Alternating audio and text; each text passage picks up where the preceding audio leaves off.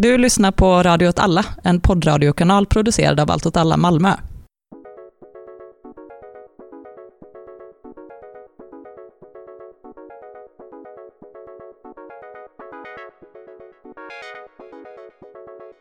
Hej och välkomna till Eld och rörelse. Här är jag eh, Martin tillbaka. Sjukare än någonsin. Fysiskt alltså, inte psykiskt. Jag, jag är också här igen, fast jag var borta förra veckan. Det var ett jättebra avsnitt tyckte jag, som du och en annan, Martin, eh, hade. Jag, eh, Myran ska jag säga också. Vi har fått på er här att vi ska säga vilka vi är i avsnitten för de som är nytillkomna lyssnare. Just det. Vad är din expertis? Vad kommer du med till podden? Men jag kan mycket om myror. Nu har jag det på eh, papper nästan också. Jag har lämnat in mitt eh, masterarbete om myror precis. Så det, det är gött. Du jobbade flitigt där. Ja, jag har jobbat flitigt som myra ett tag, men jag får den färdig. Hur är läget med dig? Annars ifall du inte är sjuk, bortsett från det. Nej, men det är ju inte covid. Kan jag Nej. uppdatera lyssnarna på. Eller det var inte covid för två veckor sedan. Så det kanske är covid nu. Men jag har ju samma symptom som innan.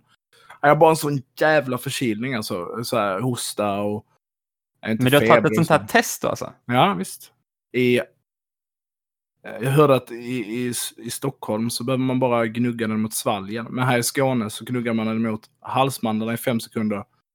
Svalget, svalgväggen. Och då står det i instruktionen om du får kräkreflexer, då är du rätt. Eh, i, I fem sekunder och sen i näsan eh, 3-4 centimeter upp i, i båda näsborrarna i, i 56 sekunder. Det låter väldigt plågsamt, lite som att de vill att ingen ska okynnes ta test, utan det är bara de som verkligen tror att de är sjuka som ska ta dem. Precis. Nej, men det är, jag är trött på covid. Men det kanske är en... eh, Utbredd inställning i samhället. Ja, och lite uttjatad grej. Det är väl inte Mm. covids fel. Låt ett virus leva. För fan. Ja. Du, sen sist alltså, eh, som jag var med, Armenien, vad har hänt? Ja, men jag tänker att jag hade rätt mycket fel. Fast du sa så här, det kommer bli vapenvila, så blev det vapenvila typ en dag efteråt. Sen så bröt de vapenvilan en dag efteråt igen. Ja, precis. Jag tror vi är uppe på femte vapenvila som har brutits inom timmen den skulle börjat gälla. Och det som händer är att Azerbajdzjan spöar på Armenien ganska ordentligt, om man ska uttrycka det så. Mm. Och att den eh, modellen av krigföring som Azerbajdzjan har importerat från Turkiet, köpt från Turkiet, verkar, verkar fungera rätt bra. I korthet, legosoldater och drönare. Som samverkar liksom. Sen så tror jag att Azerbajdzjan har tagit hiskeliga förluster. Har de eller deras legosoldater gjort det? Ja, men jag tror, alltså, jag tror att legosoldaterna inte används som, som stormtrupper på det sättet. Nej. Men, men så det är jävligt blodigt. Alltså, man får ju tänka att det liksom har dött. Ja, alltså, senast jag tittade på några siffror, de är lite svåra då eftersom att Azerbajdzjan fortfarande inte har gått ut med de officiella. Men vi pratar ju om liksom säkert 10 000 döda eller liksom Oj, ja. 8-9 000 döda skulle jag gissa med tanke på intensiteten. Och att de redan inom en vecka hade varit uppe i då rimliga gissningar på kanske 2-3 tusen. Och nu har det ju pågått ganska länge. Nu har eh, Armenien begärt någon sorts hjälp från Rys- Ryssland officiellt enligt ett avtal, va? Mm, precis, och det verkar ju framför allt gälla typ bränsle och sjukvårdsprodukter. Men alltså, Azerbajdzjan är ju i princip framme vid armenskt eh, kärnterritorium.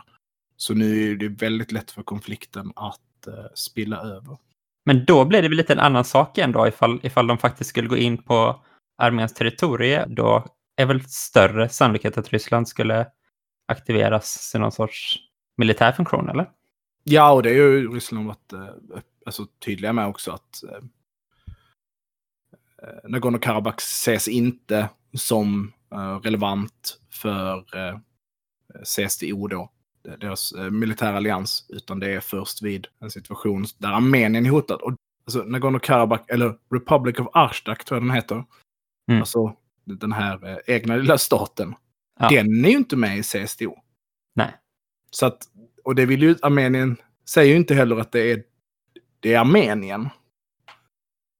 Utan de är Utan- försvarskrig för den här andra lilla bildningen, liksom. Ja, och så är det ju val i USA. Vi spelar ju in onsdagen den fjärde, så att ni får ju det här avsnittet rykande färskt imorgon.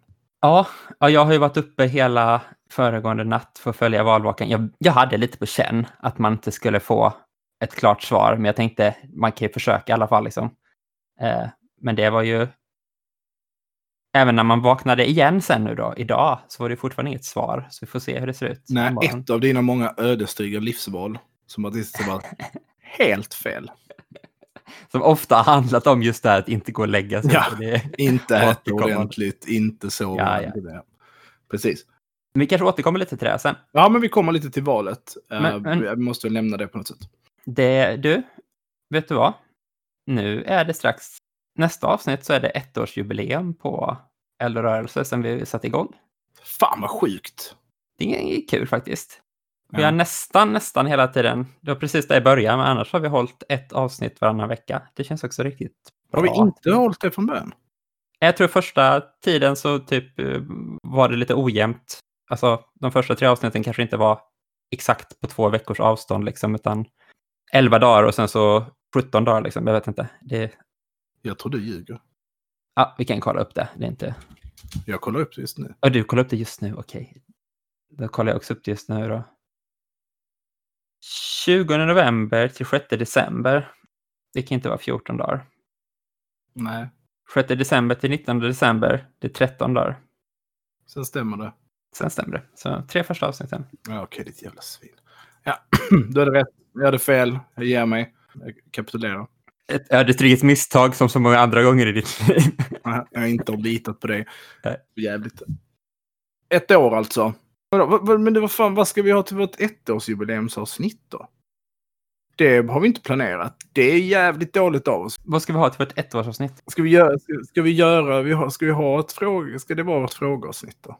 Det kanske det ska, det kanske det ska vara faktiskt. Men ettårsavsnitt, vi säger det nu. Ja. Ettårsavsnittet får bli ett jävla frågeavsnitt. Man, man Just, se. ska vi inte synas också då i, i köttvärlden istället för över nätet? Att vi syns liksom. Ja, det är väl bara jävligt dålig timing nästa. Just det, det är det. Ja. För nästa blir den 18. Ja, det är inte hela världen. Det är dagen... Eh, eh, 19. Det är dagen jag tar över huset. Släpps. Så det hinner vi ju. Mm. Det är lugnt. Du får Ja, komma men- hit och hjälpa till att packa en kväll och sen eh, ja, ja, nice. Mm. Då säger vi det. säger vi det. Ja, en jävla massa avsnitt, 27 stycken. 28 är det här då. Och fler har vi ju tänkt ut. Jag har faktiskt ett Google Docs där vi har skrivit alla avsnitt. Du brukar också bara komma på idéer till avsnitt, liksom löpande och sen så lite glömma bort dem. Men, men vi har ändå 60 poster där på avsnitt vi ännu inte har gjort. Jag ska vi säga då i ärlighetens namn. Det är du som har skapat det. Det är du som... Vi har inte skrivit det här dokumentet. Nej, men jag skriver upp alla grejer du säger. Ja, precis. Och det är jag som har sagt 95 procent av alla avsnitt som är där. Ja, ja absolut, precis. Så, så jag liksom... eh, Det är ditt dokument. jag förvaltar din liksom, kreativa idétradition. Jag är strukturen och du är liksom konstnären i, i avsnittsdroppar. Precis, du hanterar min ADD genom Precis. att skapa olika strukturer. Längst ner i det dokumentet så står det Vad händer i Etiopien? Mm. Och då tänkte man att vi skulle liksom börja ha ett avsnitt innan det brakade loss. Men det har faktiskt brakat loss nu Ja, häromdagen bara. Så vi hinner liksom inte täcka Nej. det, tyvärr. Gör inte det. det. Det är störigt och det, det är ju att det finns så många olika, även dagens avsnitt eh, hänger ju ihop med eh, Etiopien. Ja, för längst upp på den här 60 avsnittslistan så står faktiskt Libyen, som är det vi ska snacka om idag. Det ska vi prata om idag. Libyen alltså. Jag kan bara säga då lite, jag har eh, liksom följt Libyen ganska aktivt ju, eh, ja, men sedan 2019 egentligen. Och när jag satte mig ner för att börja liksom bena ut lite Libyen så, så är det så här, men det här hinns liksom inte riktigt med på ett avsnitt. Så jag tänker att vi kommer få göra ett ganska snabbt och svepande avsnitt där vi drar igenom liksom, de huvudsakliga aktörerna och den huvudsakliga tidslinjen. Ja. Och sen så ska vi grotta ner oss i vissa liksom, detaljer, eller framförallt vilka lärdomar eller vilka processer vi kan se sker i Libyen. Och om vi då ska börja kronologiskt så kan man väl säga att att det som lägger grunden för Libyen-konflikten, eller det andra libyska inbördeskriget som det egentligen, som det egentligen heter, som det kallas, måste vara det första libyska inbördeskriget va? Det är det andra libyska inbördeskriget, så jag ska förklara varför Nej, det är nej, jag menar det första måste vara det som lägger grunden för det andra. Ja, så skulle man kunna säga. Eller, det som händer är att arabiska våren händer.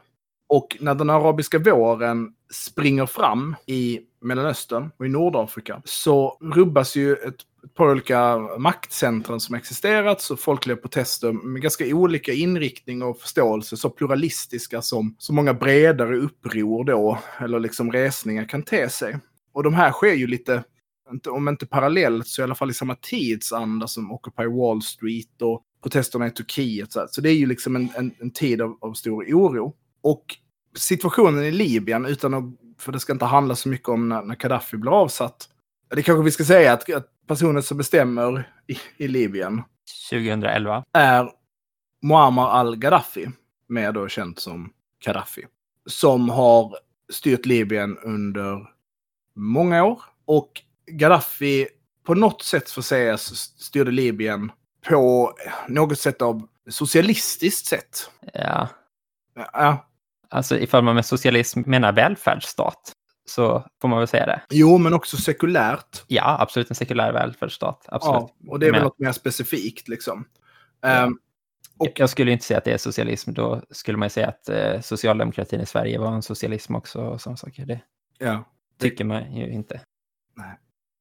Men någon typ av socialism kanske jag skulle kunna sträcka mig till och säga att de... Absolut, och i den betydelsen så är jag inte socialist. Mm. Nej, det är klart man inte är socialist. Det är en helt annan...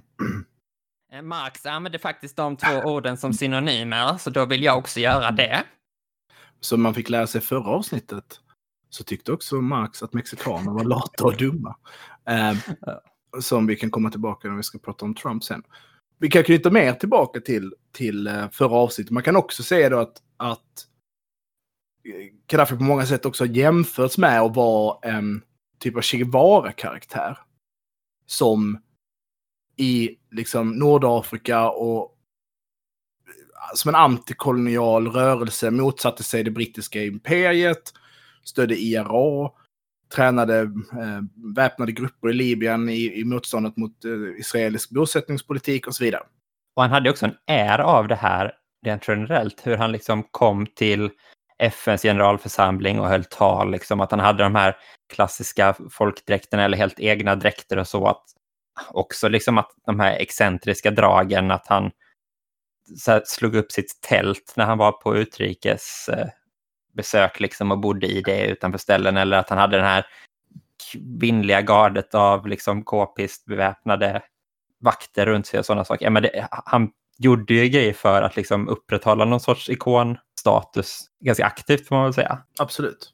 Men sen så finns det också någon sorts liksom bild som man kanske stöter på ifall man hänger i skumma Facebookgrupper och sådana saker av liksom Gaddafi som någon sorts då antikapitalistisk motståndsfigur eh, som liksom hade Libyen som något liksom eh, stat helt för sig själv utanför det globala systemet och sådana saker. Och det tycker jag, det får man ju chilla lite med det perspektivet för att han ville ju hela tiden bli accepterad av världssamfundet in igen efter Lockerbie och så. Alltså som då var att man spräng, att ett flygplan sprängdes över England och man menade att Gaddafi var del av det och då blev liksom Libyen utsatt för massa sanktioner och bojkotter och så.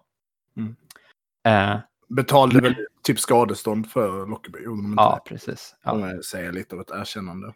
Ja, jo. Eh, men det, alltså, när han sen blev eh, avsatt liksom, och då stödde ju massa eh, västmakter upproret mot honom, så hade han ju precis innan det verkligen kommit in i den liksom gemenskapen av liksom världsledare och så. Jag vet att det var typ någon sån här eh, typ Davos forum eller någonting utsåg ju liksom Gaddafi Junior till typ en av de nästa stora världsledare som fresh and up and coming liksom. Då hade, då hade man ju liksom massa samarbeten med utländska bolag som kom in och samarbetade med olja och sådana saker. Så det, han var ju liksom egentligen på väg mot att bli som en diktator som är accepterad i väst bland andra, som liksom Saudiarabien eller någonting. Att det var det han jobbade sig mot. Liksom. Han försökte inte hålla det här Che Guevara förhållningssättet till koloniala eller eh, västliga liksom, makter. Och den bilden målas ju ganska ofta falskt upp nu då av liksom foliehatts tankes, liksom att han skulle varit en sån stor nagel i ögat, så det var därför hela Libyen-konflikten tog fart. Liksom. Ja, men jag tror att man också behöver förstå det, för att, och det kommer komma tillbaka till det, men att 2003, 2004, för 2004 när de här liksom försoningen mellan Tony Blair, tror jag det är då, och Gaddafi, så har ju invasionen av Irak precis har skett. Kriget i Afghanistan har börjat. En ny fiende har liksom trätt in i den västliga arenan.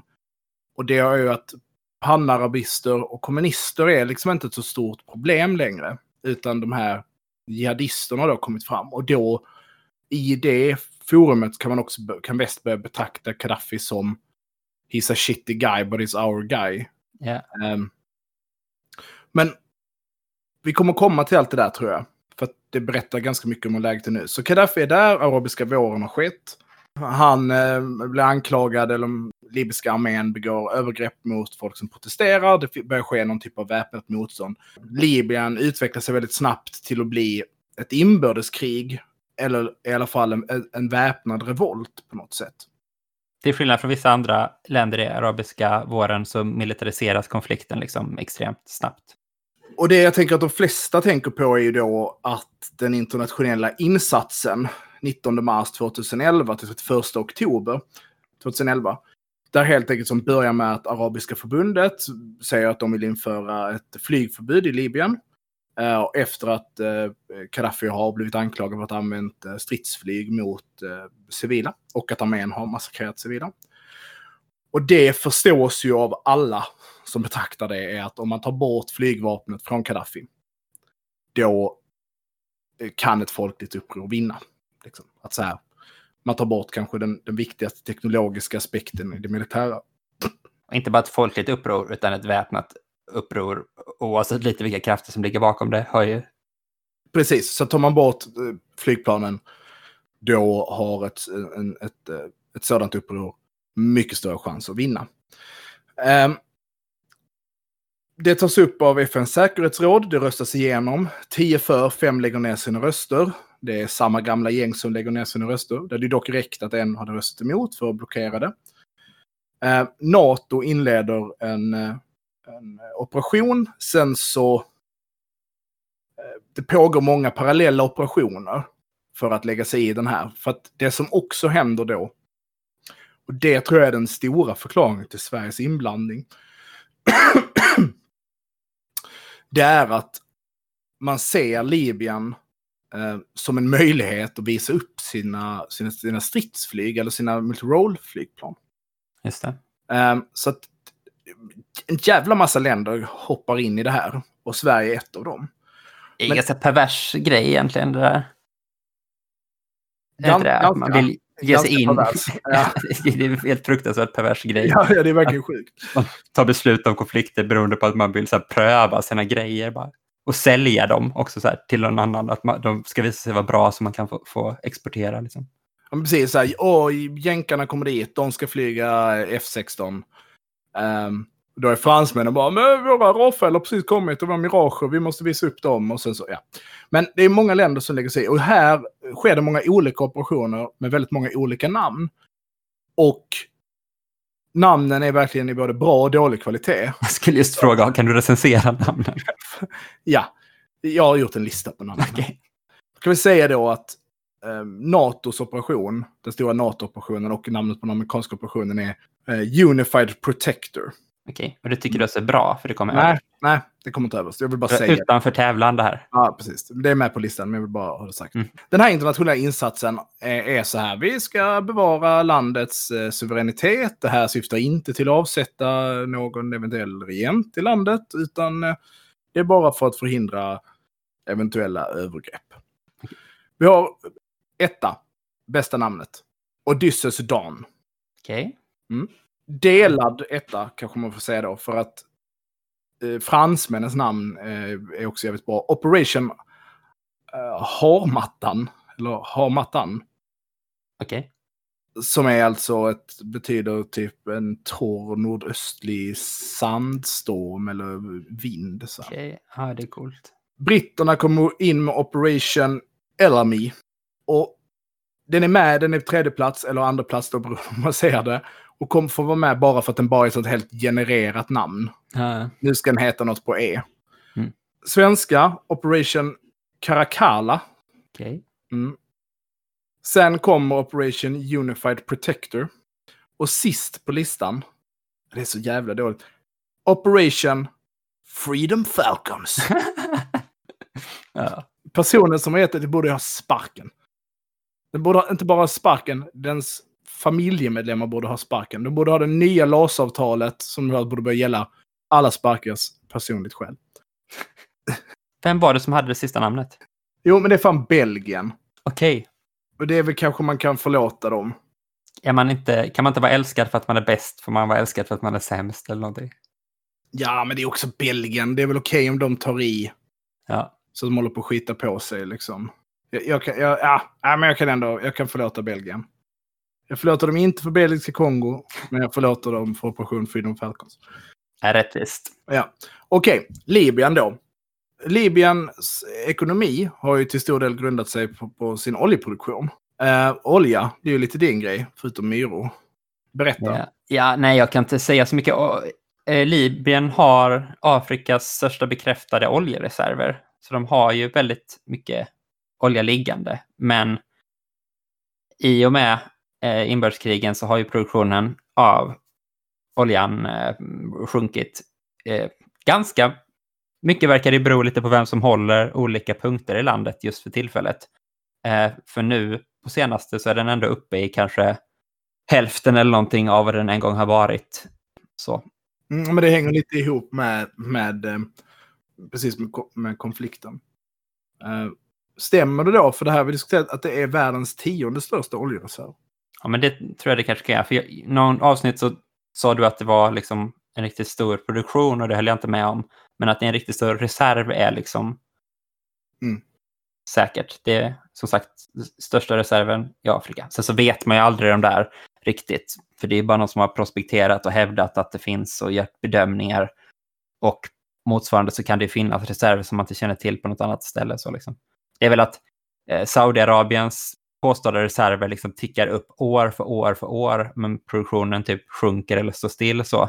Som, mm, det är lite tveksamt vad, vad det egentligen betyder. Mm.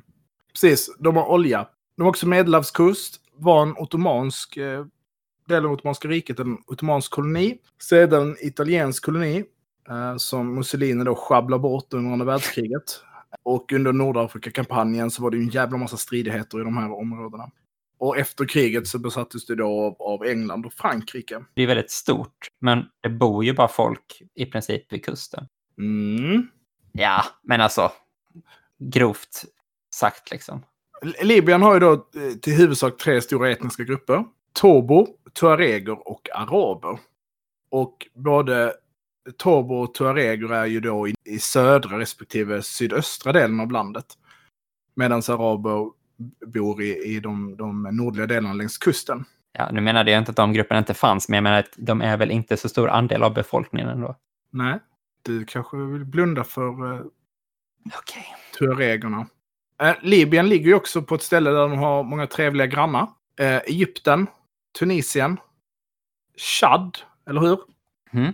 Och Mali, va? Eh, nej, Nej, just det. Algeriet ligger mellan. Just det, Algeriet ligger mellan. Det är tuaregerna däremot. Men De, N- Niger ligger också, har också gräns en liten bit mot Libyen. Just det. Geografi, det är din grej. Du sa Sudan också va? Ja. Nej, alltså Chad. Men det har inte stämmer. Jo, Chad stämmer. Chad har mycket gräns. Sudan och Niger har en liten kort sträcka var. Men det är i huvudsak liksom till eh, öster så är det Egypten, till söder så är det Chad, till väster så är det Algeriet och lite Tunisien. Och till norr så är det Medelhavet, för de som inte är medvetna om. Ja, precis. Och bara för att ha det sagt, även om Chad är lite inblandad där inbördeskriget också och kommer komma lite i berättelsen om vad som leder fram till det här så till alla ni som är intresserade av technicals, alltså de här Toyota pickups, Helux, Toyota Hilux med eh, bestyckning. Som är vår Så- logga. som är vår logga, ja, precis. Så mellan Libyen och Chad så var ju det eh, krig då 1986 och lite in 1987 som går under namnet The Great Toyota War. Just det. Där eh, tekniker spelade en väldigt avgörande roll. Verkligen ett sidospår. Det ska vi inte stanna i. Så Gaddafi, Gaddafi blir avrättad. Eh, det är uppror i landet. Det är jävligt oroligt. Tripoli, huvudstaden då, blir eh, intaget. Han hängs. Offentligt va? Det är väl en sån grej med det. är det. Till och med, alltså Gaddafi, alltså han släpas väl efter en Just bil det. och så. Det är riktigt, han får väl någonting uppkört och dör Ja. och så. Ja. Ja. Ja. Ja. Så kan det gå. Var inte diktator så slipper ni inte det kanske per definition, men det, ja, Nej, inte, det funkar inte så heller. det är gänget som gör det. Verkar även göra det på folk som inte är... Ja, ja. Det, mm. var inte diktatorer i alla fall. Det tycker Och nu ska vi försöka ta oss igenom. Året blir 2012. Eh, Gaddafi avsatt någon typ av makt, liksom central, centralmakt ska uppstå i Libyen. Och nu kommer det börja bli riktigt rörigt. Och det finns så jävla många förkortningar på olika grupper och skit. Så jag, jag försöker bara dra igenom det här. 2012 så sker ett val till kongressen i Libyen. Det går under namnet General National Congress, GNC. Det blev då den lagstiftande församlingen. Den fick till uppdraget på 18 månader att skapa en demokratisk konstitution. Okej. 2012, GNC är staten. Det är liksom regeringen, det är parlamentet. Allt de behöver göra är att skriva ihop en konstitution. Till den här församlingen, den här kongressen, så väljs det en rad olika partier. Och det partiet som liksom vinner valet är ett så här, ganska liberalt, progressivt, sekulärt-ish parti. Ehm, trots att många trodde att Muslimska brödraskapets parti i Libyen skulle vinna valet. För att arabiska våren till stor del, som ju på något sätt börjar i Egypten, Arabiska brödraskapets hemplats. Och det är ju Morsi då som vinner det, Egyptens första riktiga val, tror jag. Vinner valet, eh, är ju kopplat till Muslimska brödraskapet. Så man tänker ju att de ska finnas i Libyen. Många, när Muslimska brödraskapet var förföljt i Egypten, så flydde man till Libyen. Det finns liksom en... De var förbjudna av Gaddafi. Så, så man tror att de ska komma fram. Men det är inte de som vinner. Utan jag tror de blir tredje största parti. Så 2012 så är det liksom egentligen en så ganska progressiv, västvänlig jada jada gäng som väljs till den här kongressen. De ska skapa en demokratisk konstitution. De har 18 månader på sig. 2013 så väljs Nori Abushmain till att bli ledare då, eller liksom premiärminister för, G- för GNC, så alltså General National Congress. Han är islamist. Han påstås ha kopplingar till Muslimska brödraskapet. Det förnekar han själv. Han är en independent, liksom. En självständig kandidat. Eh, han är inte medlem av Justice and Construction Party, som alltså Muslimska brödraskapets parti heter. Som för övrigt är ett skitdåligt namn. På ett parti. Lite klassiskt också. Alltså. Ja, men det är verkligen så här name generator. Lag och rättvisa. Mm. Jo, Vi har hört det förut. Justice Party hade jag helt köpt. Det är väl ett okej namn. Du tycker att construction sabbar lite? Ja, men det blir så här, va? Ni, är ni... Ja, vi gillar rättvisa och bygg. Skitsamma. En konstig multi-gymnasieutbildning. Jag tror jag att det är att de ska återbygga landet, att det är det som är, men jag vet Ja, det kanske gör sig skitmycket bättre på arabiska. Ja, så kan det vara.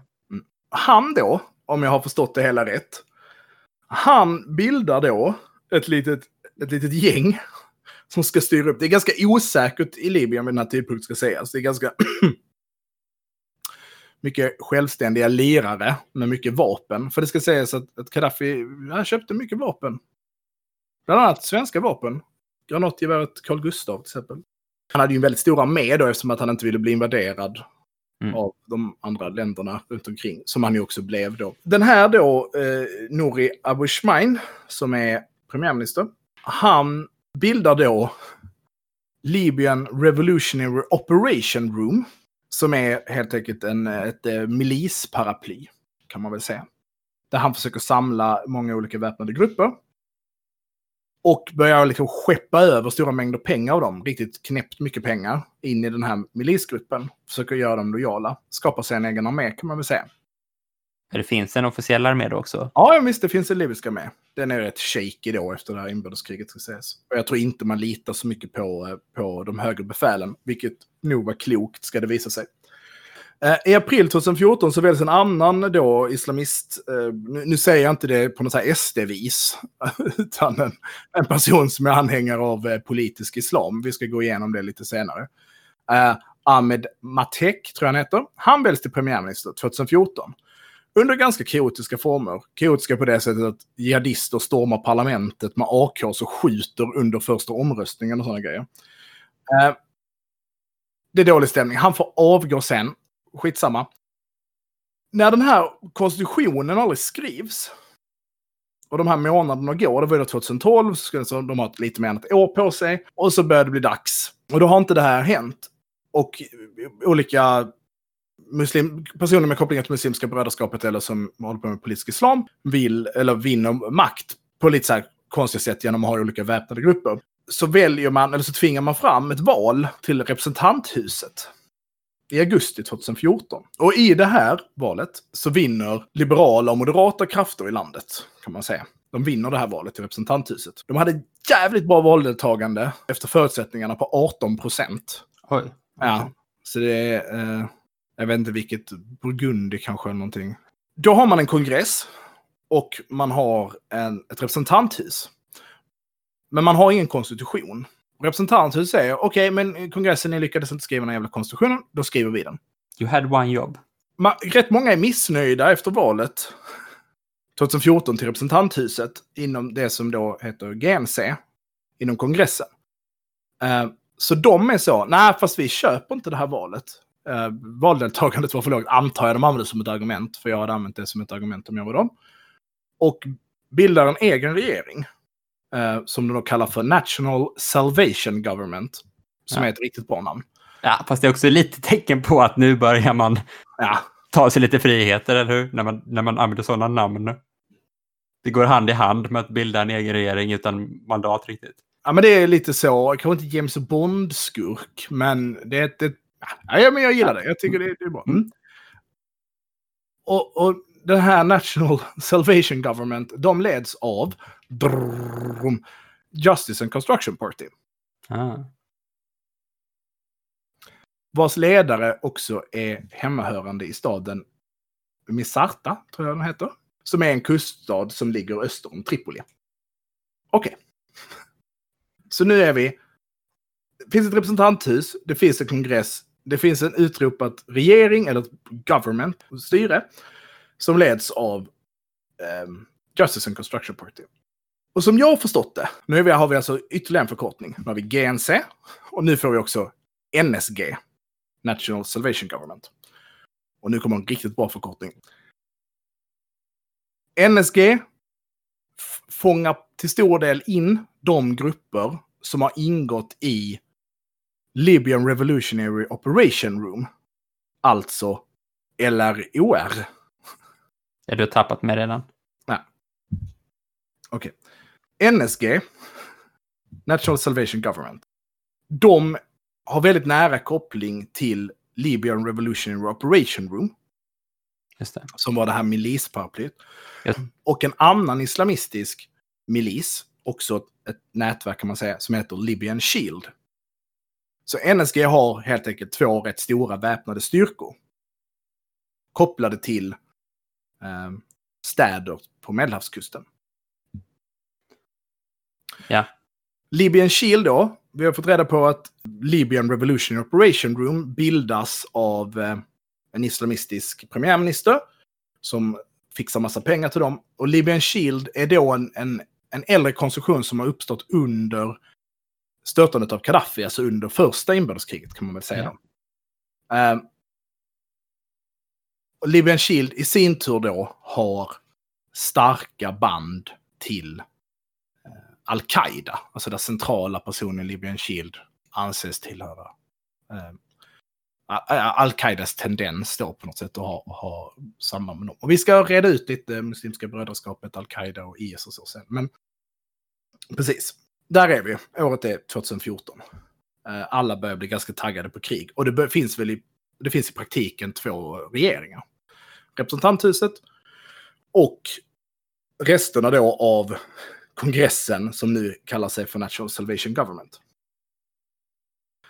Ett annan förkortning som jag tänker att folk, om man har hållit koll på Libyen, har hört är LNA.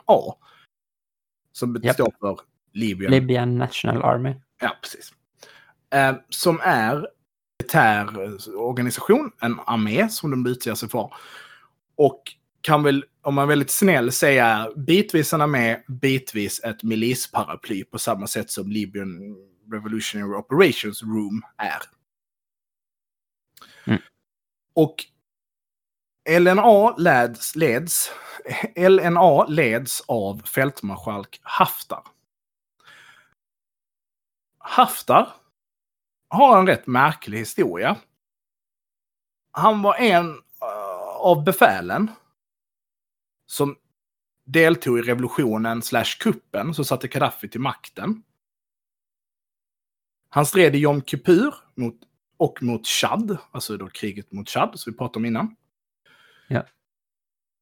Han blev tillfångatagen av Chad under ja, kriget mot Chad satt i fångläger, ingick i en konspiration för att avsätta Gaddafi, blev frisläppt av Chad genom USA, fick medborgarskap i USA, flyttade dit och återvände till Libyen under arabiska våren och leder styrkor mot Gaddafi.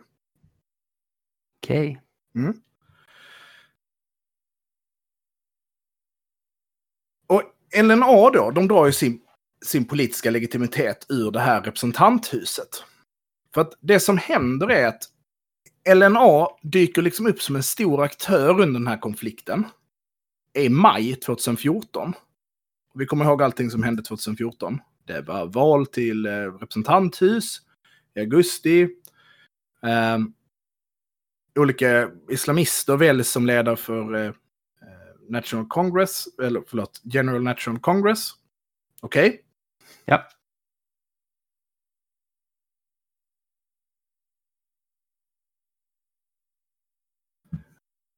I maj 2014, alltså innan valet till representanthuset har skett, så startar Haftars då, Libyan National Army, någonting de kallar för Operation Dignity.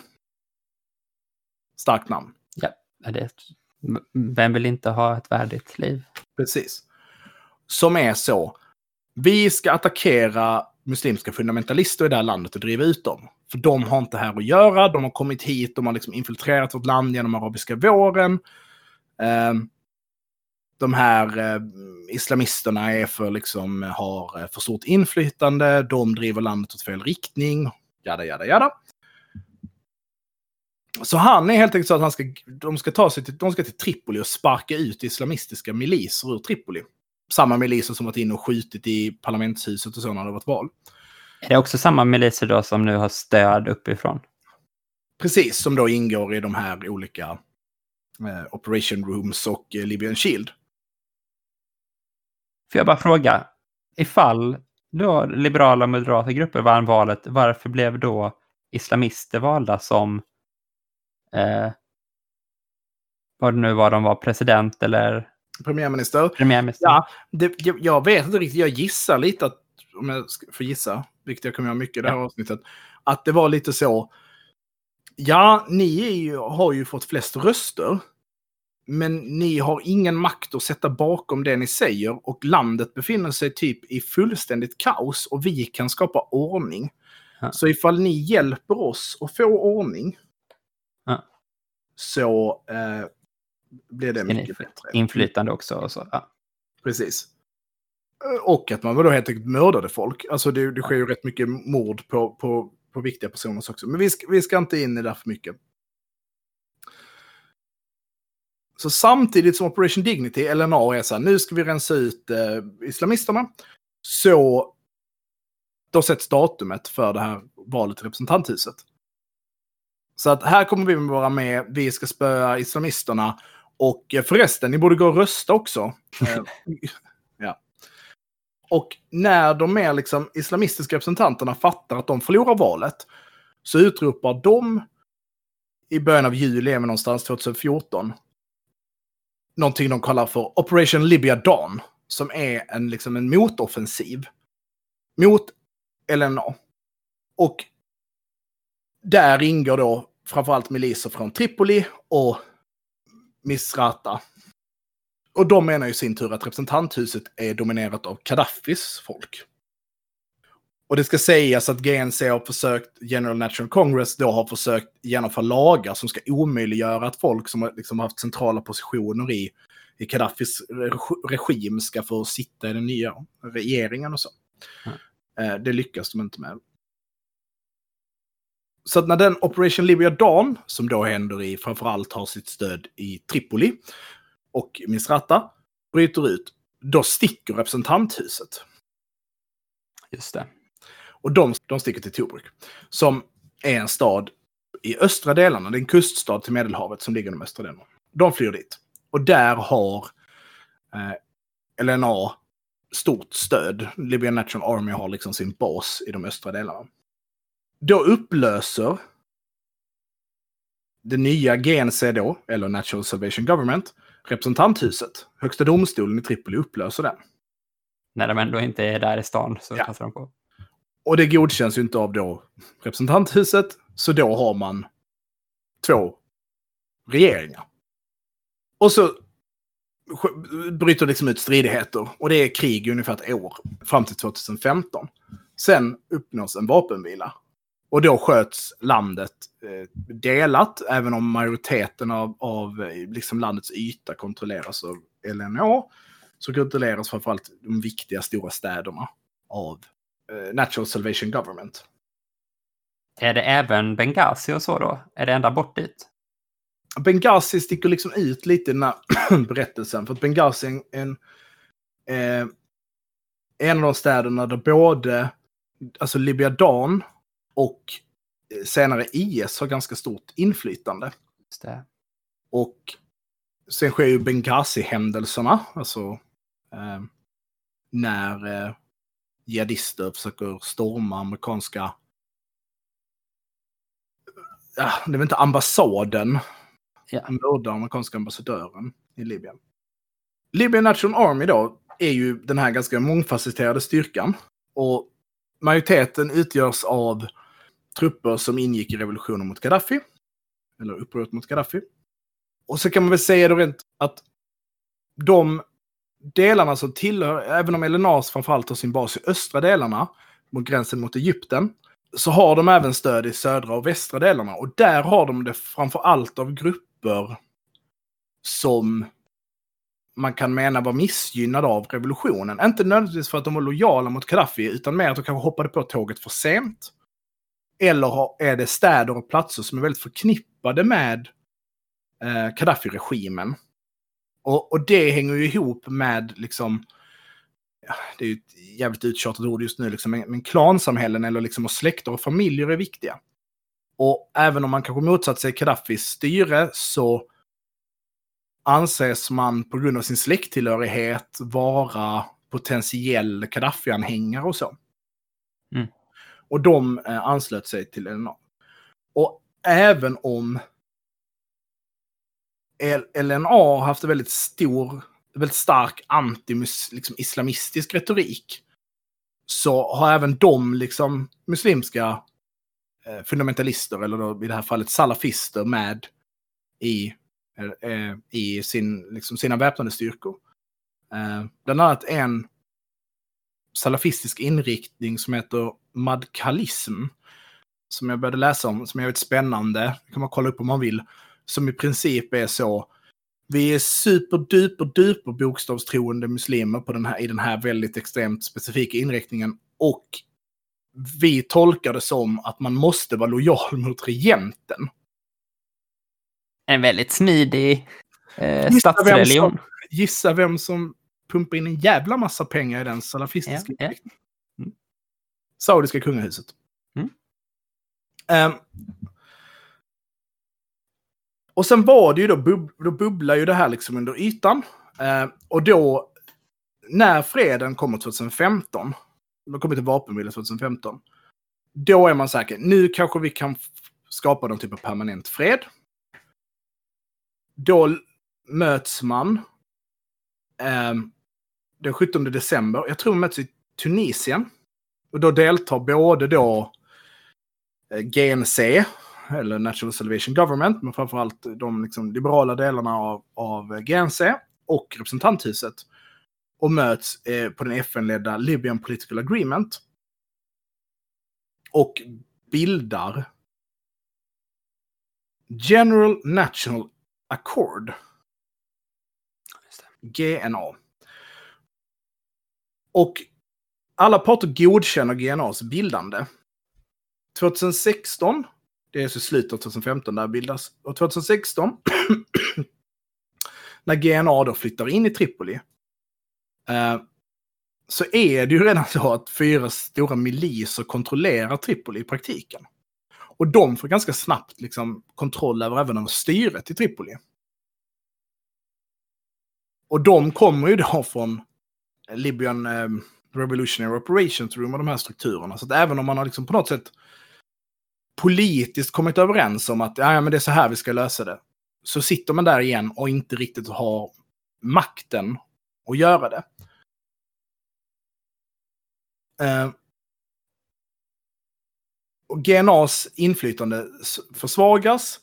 Det görs försök med att få med sig grupper i västra Libyen, att bilda liksom nya allianser och på så sätt liksom kunna skapa ett bredare nätverk som kan skapa stabiliteten så att GNA faktiskt kan få makten. Men GNA har ju inte i praktiken någon kontroll över Tripoli. Och därför liksom faller alltihop. Säkerhetsläget i södra Libyen förvärras. Representanthuset och LNA drar tillbaka sitt stöd till GNA återvänder till Tobruk. LNA har inte lämnat Tobruk eller så, men representanthuset stannar kvar i Tobruk. Och är så vi ska ha ett nytt val. Eh, och det valet ska ske 2018 tror jag de, de vill att det ska. Eh, och det ska vara det riktiga valet. Men är det liksom, tror du så att, har, att man går med på de här grejerna från början för att man, alla parter ändå hoppas på att det ska gå liksom? Men så bara går det inte liksom rent praktiskt. Eller är det bara så fulspel hela vägen liksom, eller vad? Jag tänker att det är, liksom att det är båda delar. Att vissa tendenser tänker att man liksom, om vi bara, alltså för, för det som händer med GNA är att GNA blir ju erkänt som FNs legitima, alltså av FN som den legitima regeringen. Just det. Och då tänker man om vi får det, då kanske vi kan be om internationellt stöd. Så då kan de skicka hit trupper och så kan de få bort de här miliserna och då kanske vi har tid att bygga ett eget polisväsen. Eller... Och om vi bara kan få igång handeln och skatter så kan vi, Gaddafi, eller Libyen vara jävligt rikt. Ett rikt land. Då kan vi få in pengar, och får vi in pengar kan vi skaffa lojala människor. Och sen kommer det här liksom, alliansskapandet med de här olika strukturerna. Och det fungerade uppenbarligen inte. För som läget är då, efter detta, det är att landet är delat i två. GNA har fått internationellt erkännande som den legitima regeringen i, i Libyen. Den är liksom en blandning av mer eller mindre moderata krafter och jihadistiska krafter, eller liksom Muslimska brödraskapet, lite al-Qaida anstrukna, som hela tiden måste förhandla med de här miliserna. Och LNA då, som och representanthuset, för att man kan tänka att, som jag förstår när jag läser om det, så kan man förstå representanthuset som att liv, representanthuset är en relativt stark kraft för att den i praktiken styrs av fältmarskalk Haftar. Uh. Som ju då till skillnad från GNA inte måste blidka väpnade styrkor, utan är de väpnade styrkorna. Hänger du med? Ja. Och LNA har varit väldigt framgångsrika med att eh, förhandla med olika och få in olika miliser och grupper i sig. Även om de liksom propagandamässigt hela tiden framställer sig som en, en reguljär armé med olika ninjaträningar och, och så. Och de har ju ett rätt stort flygvapen, ska sägas. Eh, LNA. Så att representanthuset lyder liksom redan under en väpnad styrka. Medan GNA försökte motsätta sig det på något sätt. Försökte motsätta och försökte förhandla och skaffa sig en egen. Och misslyckades till ganska stor del. Och hela tiden fanns det någon parallell väpnad kraft som var den... Om den inte bestämde så hade den så pass mycket att säga att GNA var tvungna till att rätta sig efter det. Men nu är jag ute på ganska djupt vatten. Du gör en analys. Ja.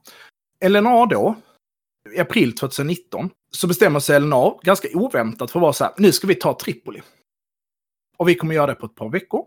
Det byggde mycket på att miliser i västra Libyen skulle byta sida. Eftersom att de hade varit opportunister. Och sen trycker de fram och på, på, på ett par få veckor så står de i, i utkanten av Tripoli. Och visst, det sker strider de har gått runt eh, Misrata till exempel, en av de, eh, som vi då har hört, en av de städer som har tidigt varit eh, motståndare till eh, LNA och stött eh, GNC. Men när LNA trycker mot Tripoli så gör de liksom ett, det, blir, det sker liksom ett politiskt, det blir ett politiskt misstag. För att det de också tvingar fram är att många av de här opportunister, många av de neutrala miliserna som existerat i landet, de tvingas välja sida. Och väljer eh, inte LNA. Utan För att de kommer och säger antingen är ni med oss eller mot oss. Och då säger de, jaha, då är vi väl mot då? Eller? Ja, och att i praktiken blir det, ska vi, som det då tolkas, ska vi ha tillbaka Gaddafi-situationen? Eller ska vi ha någonting annat? För att Haftar är liksom en ny Gaddafi bara? Ja, precis. Och även om den här, till en, den här operationen till en början gick väl, så, så kör de fast till slut i utkanten av Tripoli och får sina mest stridsmotiverade formationer ordentligt skadade, utslagna. Och GNA på något sätt kan ju få in folk under sitt paraply då. Ja, men nu måste ni delta i det här försvaret och då måste ni lyda under våra befälsstrukturer så in här och nu kan ni få pengar av oss. Och de är ju då samtidigt den erkända regeringen, den erkända, erkända statsmakten av FN, så de, biståndspengar och sånt börjar komma in. Och när Haftar inleder den här operationen i april 2019 så gör han det samtidigt som det ska vara ett stort FN-möte i Tripoli. Så det är ganska tydligt att han vill kommunicera att så här, den sittande regeringen, de är inte makten i landet. Eh, då kan man väl säga några ord om IS då. Även om man är, är trött på dem. Så är de ju också verksamma i Libyen. Eh, på samma sätt som de varit verksamma i, i, i, i Mali och i, eh, eh, i Niger. Så har de rört sig i de rätt oljerika delarna i södra Libyen. Men i Libyen har de fått rätt mycket stryk under de här åren. Och även om de utropar eh, en stad, jag tror det är 2017, till att vara ja, vad kallar de det, globala kalifatet. Eller, alltså att de så här, den här staden är en del av kalifatet. Så nedkämpas de av miliskrafter. Och LNA drog mycket av sin kraft från att de helt enkelt kunde på samma sätt att inkorporera miliser i sig i kampen mot IS. Ni har problem med IS, lyd under oss så kan vi lösa det. Nu behöver vi inte det, för nu kan vi lyda under de här istället och lösa de det. Mm.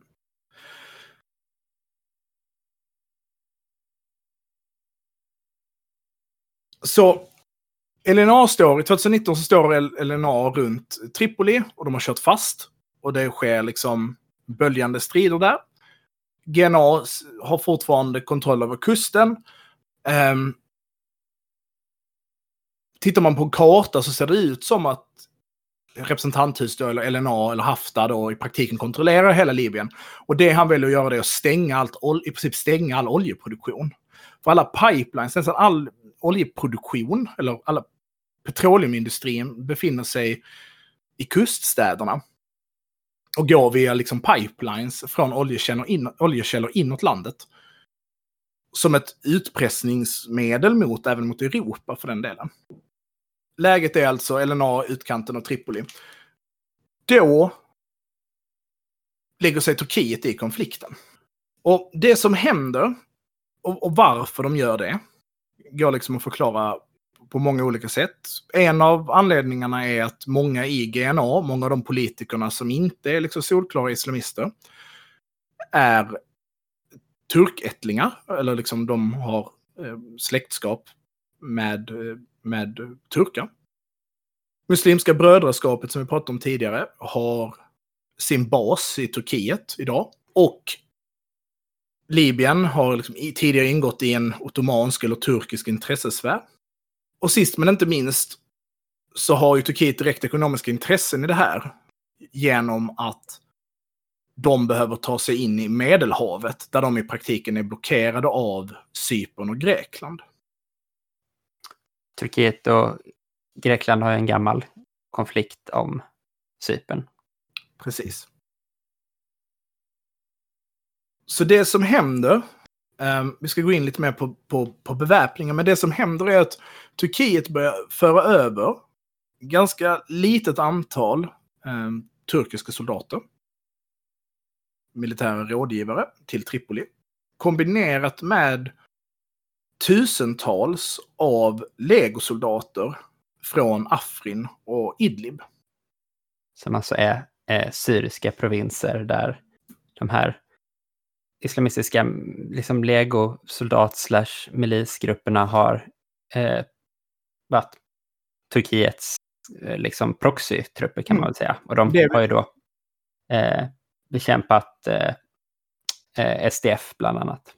Ja, precis. Och, och genomför ju praktiken eh, både invasionen av Afrin, alltså mot det då SDF-kontrollerade territoriet, och eh,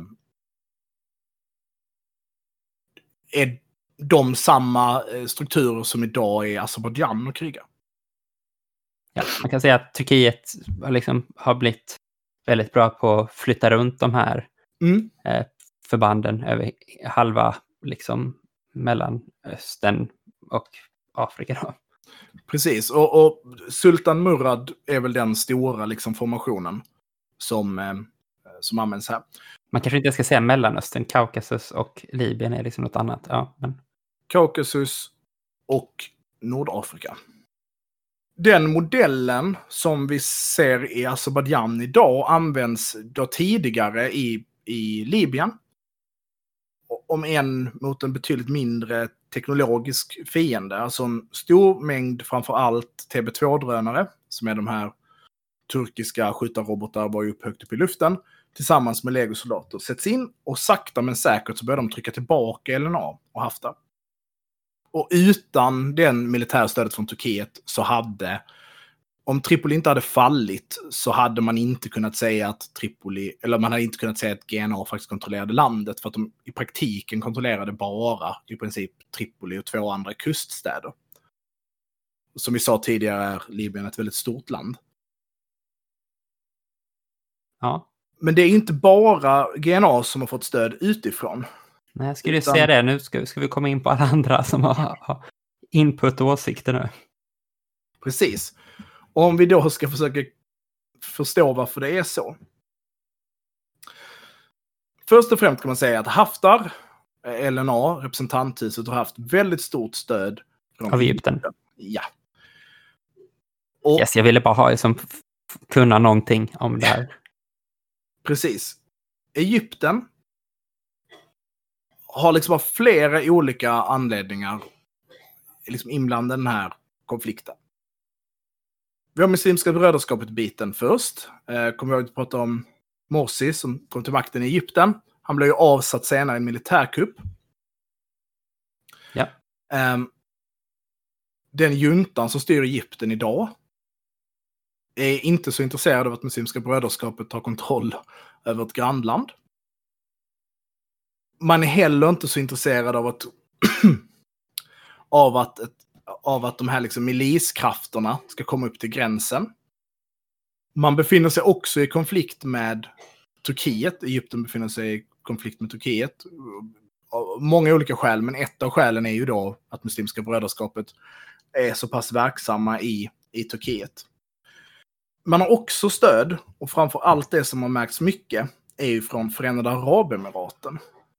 Ja, och varför Förenade Arabemiraten är inblandad, handlar också om att försöka stoppa Muslimska brödraskapet från att få politiskt inflytande.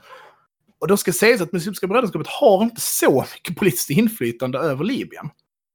När man liksom läser om den här konflikten kan man få intrycket av att det är Muslimska brödraskapet som styr GNA. Så är det inte.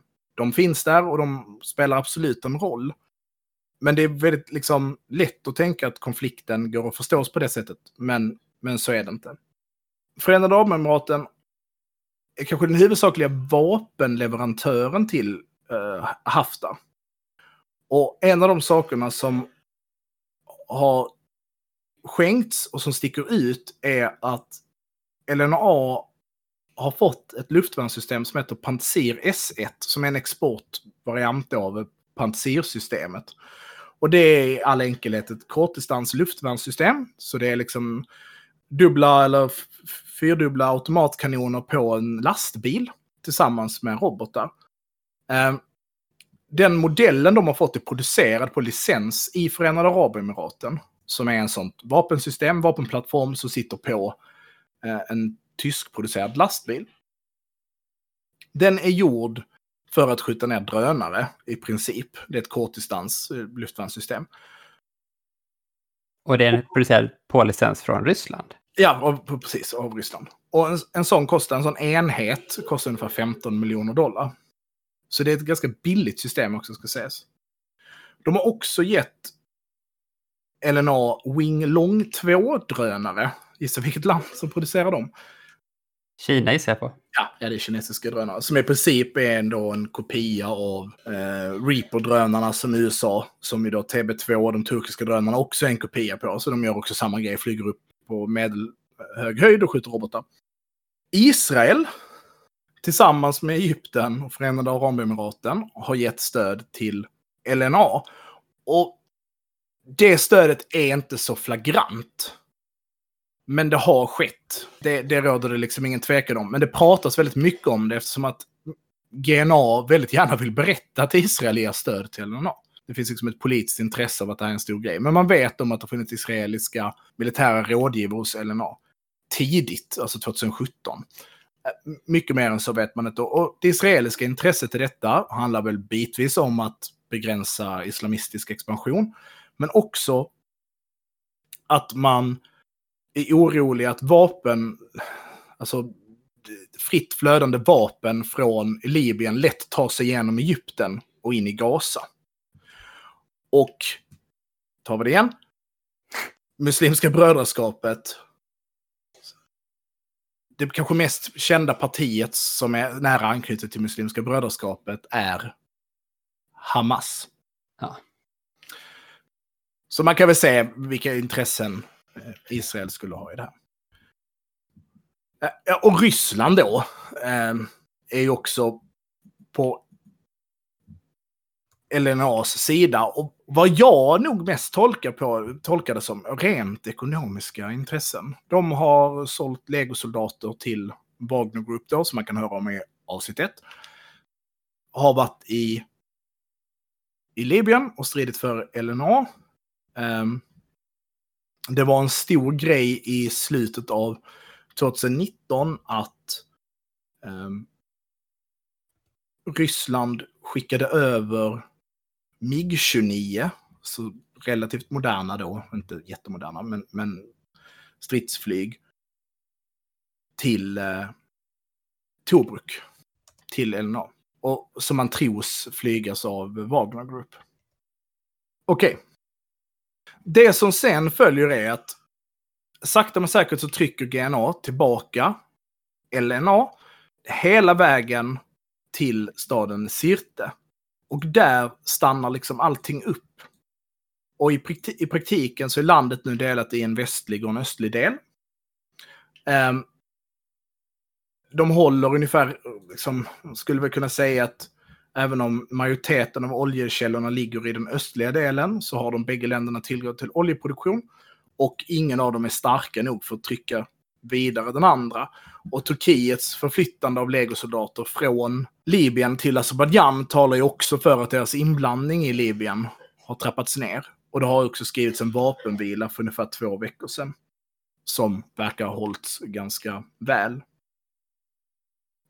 Kan vi också bara kommentera på det här? Alltså det här var ju de sidor som stöttade respektive militärt.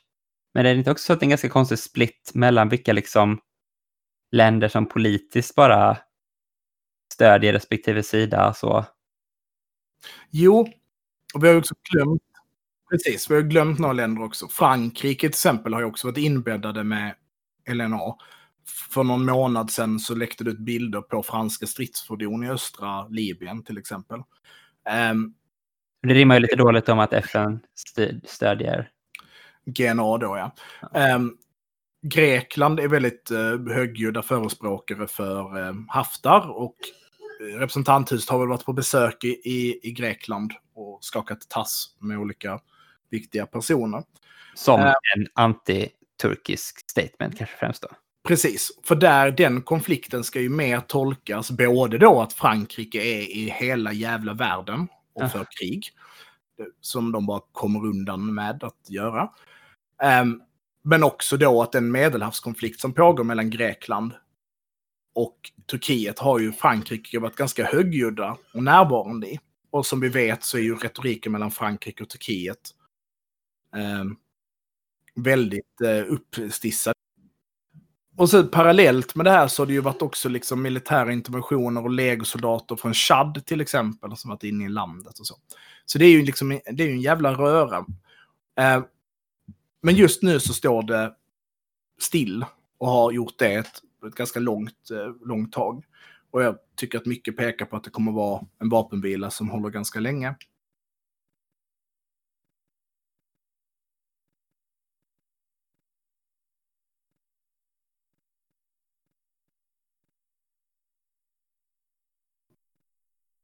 Och nu när man liksom pratar om så Muslimska brödraskapet och Al-Qaida och IS och man använder begrepp som islamister och jihadister och liksom hit och dit, så kan det väl vara viktigt att bena ut vad de här tre olika liksom, tendenserna eller liksom, strömningarna eller politiska rörelserna är för någonting och hur de skiljer sig åt.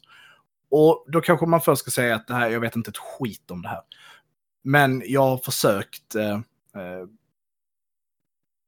förstå var skiljelinjerna går och hur man ska liksom, förstå dem.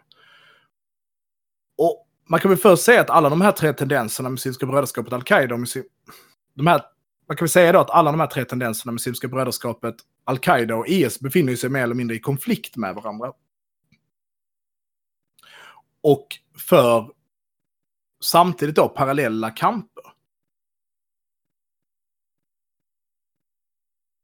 Och med liksom enkelhet kan man väl säga att så här, Muslimska brödraskapet var en av de största, och det här är liksom tidigt 1900-tal, tidiga största första försöken att införa politisk islam i de koloniala staterna i Nordafrika och Mellanöstern. Um, och deras liksom, tidiga mål och de mål som formulerades var bara så här, vi ska försöka sätta muslimska regenter i muslimska länder. Och sen så ska vi då såklart eh, ha muslimska lagar, det är väl också jättebra, och så gillar vi inte judar. Det, det kom lite senare på 80-talet. Men, mm. Och då var ju Muslimska brödraskapet en antikommunistisk kraft. Det pratade jag om tidigare. Alltså, de stod ju på något sätt i konflikt, då, framförallt i Egypten där de växte fram och var olagliga. I liksom konflikt med Nasser och panarabismen och de här liksom stora politiska projekten från, från Sovjet. Och de kanske inte var super, super bokstavstroende och sådana saker, eller de var inte salafister och så? Det är komplicerat. De, ja, så de var ju sekterister på något sätt. Men av de här tre grupperna är det de som är, som jag skulle säga, är minst sekteristiska. Även om de är tydligt liksom, sunni-projekt. Men Sen kommer Al-Qaida. Och det här är ju långt senare efter att Muslimska brödraskapet har blivit skapat. Och då finns de parallellt och Muslimska brödraskapet, Muslimska brödraskapet skiter ganska mycket i Al-Qaida. För Al-Qaida är ju där Muslimska brödraskapet har ett stort fokus på liksom verka inom lagarna, driva fram partier, skapa inflytande, sjukhus, alltså Den långa marschen genom institutionerna. Absolut, och ganska klassiskt politiskt lobbande, alltså rent Ja. alltså politiskt arbete. Och att de är som någon sorts frimurarorder, väl? Att hjälpa varandra och så liksom. Jo, men precis. Och på något sätt också en international i någon mening. Liksom, Att de finns externt. Men de, de stödjer liksom inte revolutioner och revolter och så på det sättet. Framför allt inte i länder som styrs av muslimer. Då är de ju ganska passande för Saudiarabien. Eftersom att Saudiarabien, kungahuset i Saudiarabien, är ju muslimer, har muslimska lagar, då borde ju allt vara lugnt. Eh, Medan när al-Qaida då kommer, framförallt efter 11 september, men även innan det, så är al-Qaida mer ett, liksom, ett väpnat projekt. Även om många av sakerna liksom, stämmer väl överens med Muslimska brödraskapets linje, så är al-Qaida ett, liksom, ett upprorsprogram. Vi ska göra uppror, vi, vi förklarar globalt krig. Och det är klart att det är sekteristiskt. Men det är liksom inte så sekteristiskt. Det finns ju de här... eh, det ska på något sätt vara rimligt för människor på något sätt. Inte, Ja, och att vi ska liksom bygga upp starka politiska krafter, vi ska verka, vi ska ta makten över de här länderna, men vi kan inte vara hur jävla knäppa ut som helst. Lokala seder är väl inte så jävla mycket att bråka om. Låt folk hålla på med sitt, sluta bete er som oss. Och sen betedde de sig som oss, var sekterister, men de var inom, på något sätt inom ramen. du har väl det här roliga exemplet om, om eh, att Al-Qaida eller bin Laden till och med skriver brev till IS. Ja, men både då när eh, al-Qaida i Irak blir IS och liksom bin Laden är så, vad fan håller ni på med? Är ni dumma i huvudet? Ni, kommer, ni pajar ju hela projektet. Den finns. Sen finns det också när al bin Laden skriver brev till Boko Haram. Just det, så är det. Den är jävligt bra och är så... Um, Boko Haram, ni kan liksom inte leva på träkolsproduktion. Vad fan ska ni göra när ni huggit ner all skog? Man bara... Okej. eh, Rationell så statsmaktstänkande mot det här bara frenzy. Eh, var en väpnad eh, grilla go bananas. Liksom. Ja. Precis. Men då är Boko Haram väl lite IS-tendens. De har Precis. väl också allierat sig. Och IS är ju någonstans liksom al-Qaida på crack. Alltså där liksom de små så här, politiska projekten, typ vi ska ändå framstå som på något sätt då statsmannamässiga, eller vad man ska säga. Eh, vi ska kunna ta över de här länderna. Så är vi bara så. Vi är bara en mördarsekt och en dödskult. Dödskult, där våra, våra medlemmar bara ska döda olika människor och sen bli dödade eh, och bli martyrer. Ehm, men då i takt då med att det kommunistiska hotet försvinner så blir ju också Muslimska brödraskapet ett större hot. Ehm, för, för saudiska kungahuset. Och det är därför man har den situationen att Saudis relation till Muslimska brödraskapet är mycket sämre. De kunde sticka till Turkiet. Muslimska brödraskapet kunde liksom flytta över sin bas till Turkiet. Och det är därför relationen mellan Saudi och Turkiet försämras så kraftigt. För att när Muslimska brödraskapet inte kunde vara liksom som en antikommunistisk motkraft så blev ju Muslimska brödraskapet också ett, ett hot mot till exempel kungahuset i, i, i Saudi. Ja. För att man då samarbetar med USA till exempel. Eh, vilket ju då i förlängningen är ju att samarbeta med, med eh, Israel. Gillar verkligen inte judar. Det är, är, är tydligt formulerat. um, högst osympatiskt. Ja. Ehm, Vi måste ha det som en stark rasistisk kraft också i det här projektet. Det räcker inte med de andra. Nej. Härligt. Ja, men Eh, först när man läser det här, jag läste liksom deras så dokument, nu kommer jag inte ihåg vad det heter, typ A Way Forward for Islamic eh, Progressiveness eller någonting. Så är man så, mm, ja men det här låter väl ganska rimligt, jag förstår hur ni tänker, jag förstår hur ni tänker. Och är de här jävla judarna också, va? Var kom de in? Ja. Eh, men ehm, Men man kan säga på något sätt kanske att eh, Al-Qaida och liksom Muslimska brödraskapet har på något sätt samma idé om vart de vill komma, fast med olika medel då liksom legala eller terrorism. Men sen så har liksom IS nästan terrorismen som självändamål och inte ett medel för att uppnå. Ja, och att liksom om man skulle göra liksom som en spegelbild så kan man väl säga så. Muslimska brödraskapet är glada om muslimer styr ett land. Mm. Al-Qaida är glada ifall rättrogna muslimer styr ett land. Och de är beredda på att göra revolter mot inte rättrogna muslimer. Eh, IS vill bara göra revolter. Det är väldigt lätt att dra paralleller till vänstertendenser där. Men vi släpper det. det man behöver inte säga, folk kan tänka själva. Det.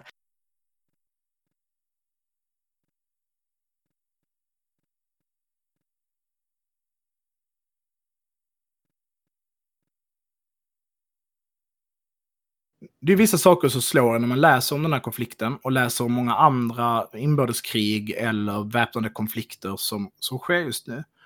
Och det är att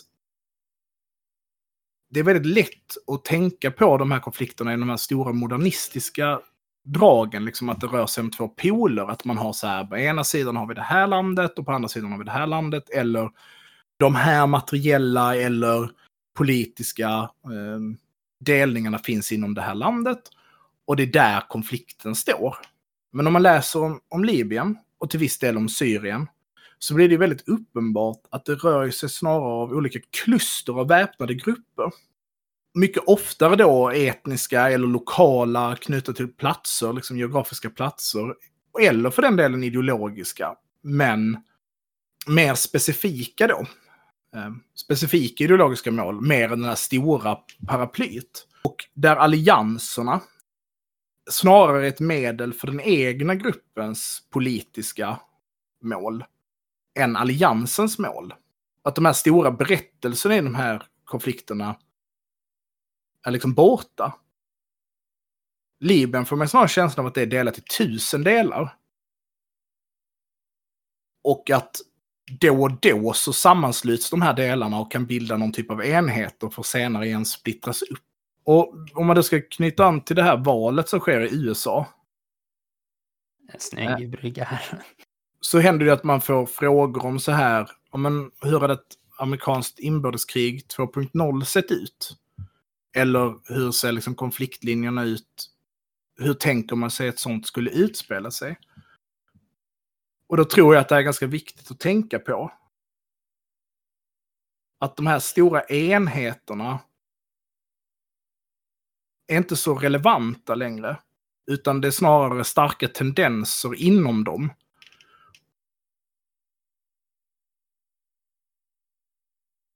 Som tvingar alliansen eller den större enheten att korrigera sig. Och som i sin tur, så den här, liksom, om den här enheten utgörs av olika tendenser, så drivs ju tendenserna i sin tur av olika subdelar som har sina egna mål och viljor. Tänker du liksom Qanon, Tea Party, Proud Boys nu då liksom?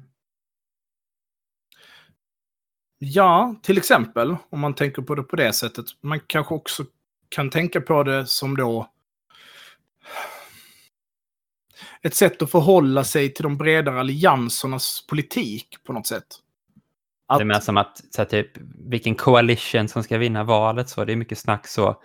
De, kan de samla de här grupperna under sig, de olika presidentkandidaterna? Kan det vara eh, den här kristna gruppen plus eh, den här latinogruppen som, eh, och sen så kan han välja, eh, få med missnöjda svarta väljare i södern och så. För Trump kan han bygga en koalition och på samma sätt då kan Biden göra det. Liksom. Är det... Ja, eller kanske då mer eh, specifikt anknyter då till den här inbördeskrigsfrågan eller hur man betraktar politik. Att strävan efter de de här olika rena politiska linjerna. Det är fackföreningsfrågan som är den viktigaste. Det är BLM som är den viktigaste. Det är feministiska eller transfrågor som är det viktigaste.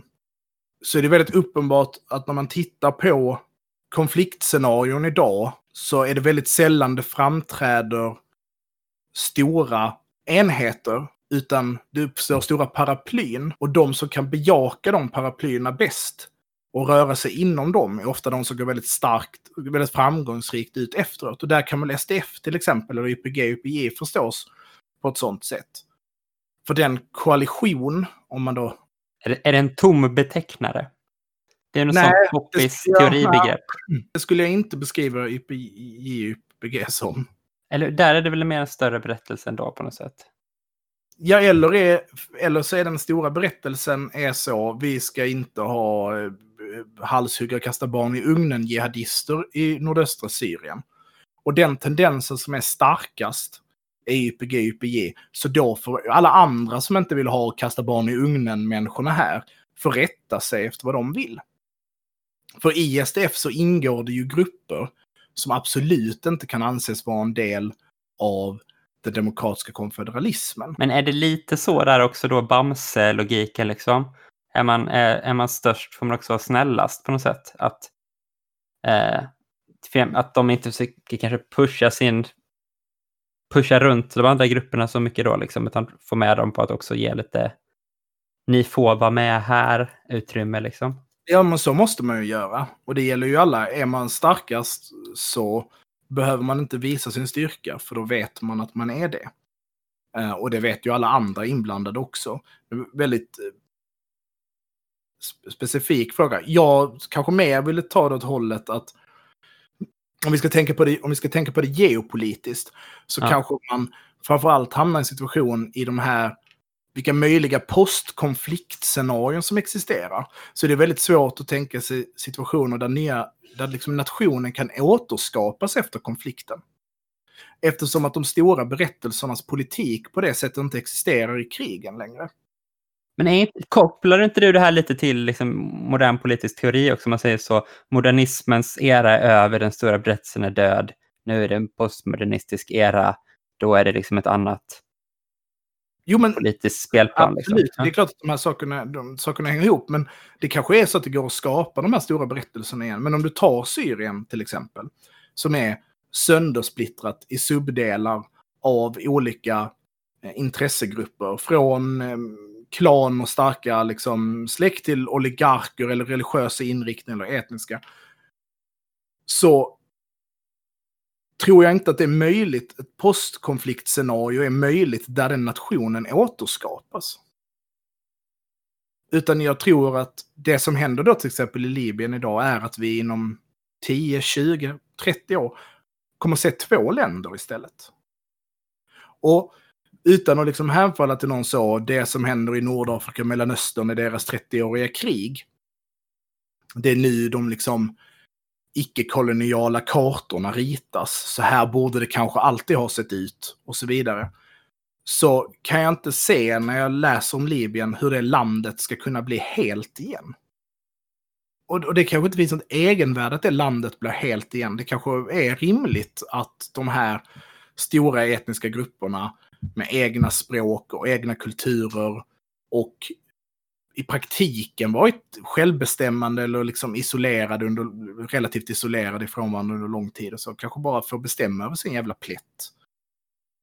Men om man då tänker på att det inte kan framträda stora berättelser, om man nu ska använda det begreppet, eller då enande, eh, unisont enande politiska program kanske. Så om vi tittar tillbaka till valet i USA. Så skulle det ju såklart vara en lögn att säga att USA är någonsin har varit ett enat land och liksom för fan, när blev de... När fick liksom afroamerikaner rösta i stora delar av USA. Det är ju fan liksom när min pappa var... Födde mig, liksom. Så, han födde inte mig. Gjorde han det? Nej.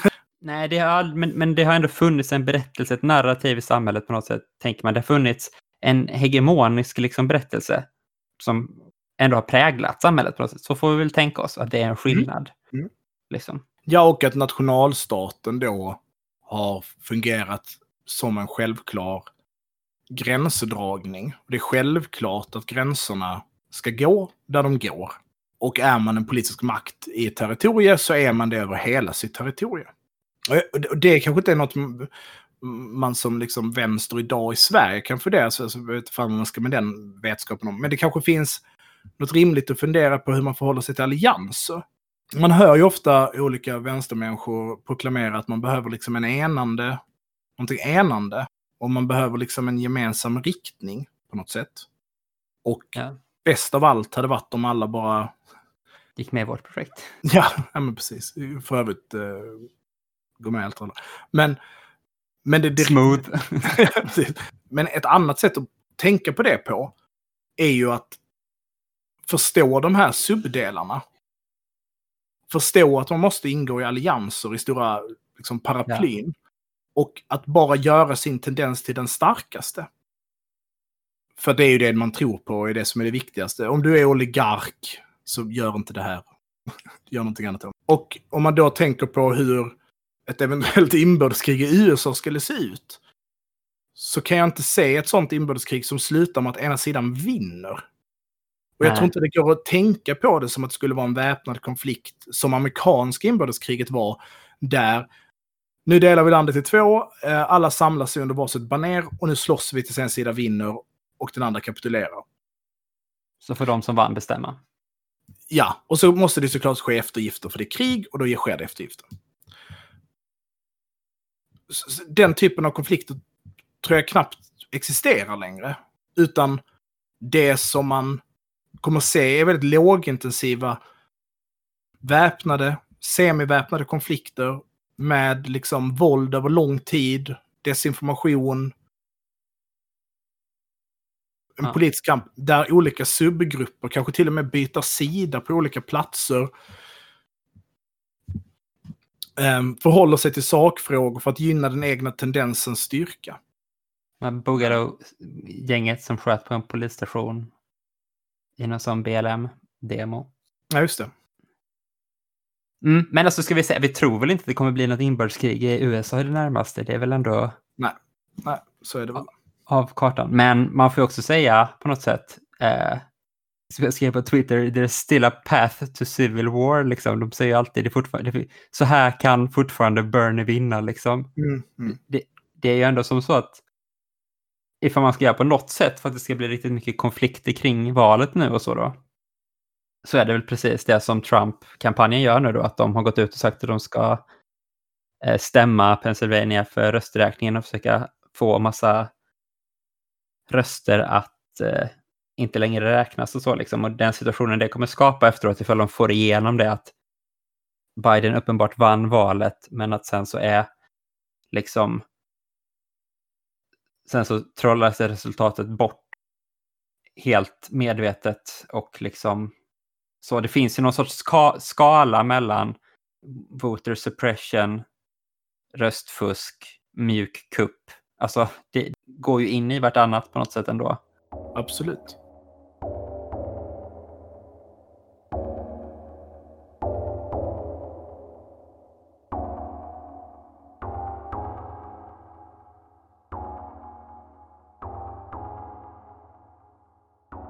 Bra, nu ska vi avsluta det här. Ja, och innan vi... Nu är vi ju färdiga med det här avsnittet. Det här måste expressklippas i natt. Ehm, Vi ska säga så här, ursäkta ljudkvaliteten som det blev utan att veta hur det blir än, men det kommer inte bli så jävla bra. Nej, för det är du som kommer klippa också. Ja, jag vill... Alla våra lyssnare. Om det var ett dåligt ljud, dåligt klipp, då vet ni vem det är som har klippt. Alltså, ja, det är du, alltså, för jag detaljklipper under åtta timmar och du hetsklipper under tre. Liksom. Men nu, Mm. nu ska jag hetsklippa under tre istället, så vet vi. Ja, det kommer inte bli bra. Ehm, vi har ju tröjor. De går åt i rasslande fart. Vi har ett par stycken kvar. Man får jättegärna köpa dem. Vi blir jätteglada. Jag säger Ehm, förlåt för att vi inte har skickat iväg ett par stycken nu, men de, de kommer. Ja, de kommer. Jag tänker att det är lite så här... Man Köp. behöver ju inte... Alltså, om det är någon som har köpt en tröja och inte har en annan tröja så är det ju en, en tragedi liksom. Annars att man får vänta en vecka är okej på något sätt. Ja, jag tänker att folk klarar sig. Frågeavsnitt nästa vecka. Eh, skicka era bästa frågor och de andra också. Så De förhandlar svarar vad fan som helst. Verkligen. att man frågar om något baguette-recept, vet jag. Och eh, jättekul att ha dig tillbaka, Myran. Ja. Det, det var gött att vara med på ett avsnitt här igen. Jag har faktiskt inte varit borta någon. Jag har varit borta ett avsnitt, det är inte så Ja. farligt. Jag tycker vi ska göra det till en riktigt stor grej. Um, vi kommer prata om den här gången. Skuld och skam är ju en stark motivationskälla för Så är människor. det. Så är det. Tusen tack för att ni har lyssnat. Följ mig på Twitter. Där heter jag Trojkan1337. Eller följ mig, jag heter Slukhall. Eh, vår Facebook-page heter Eldrörelse, lätt att hitta. Ge pengar till allt allas Patreon. Jag vet inte var ni hittar den. Men ni hittar den i länken det- i det här avsnittet. Ja. Tack för idag, ha det gött. Ha det gött!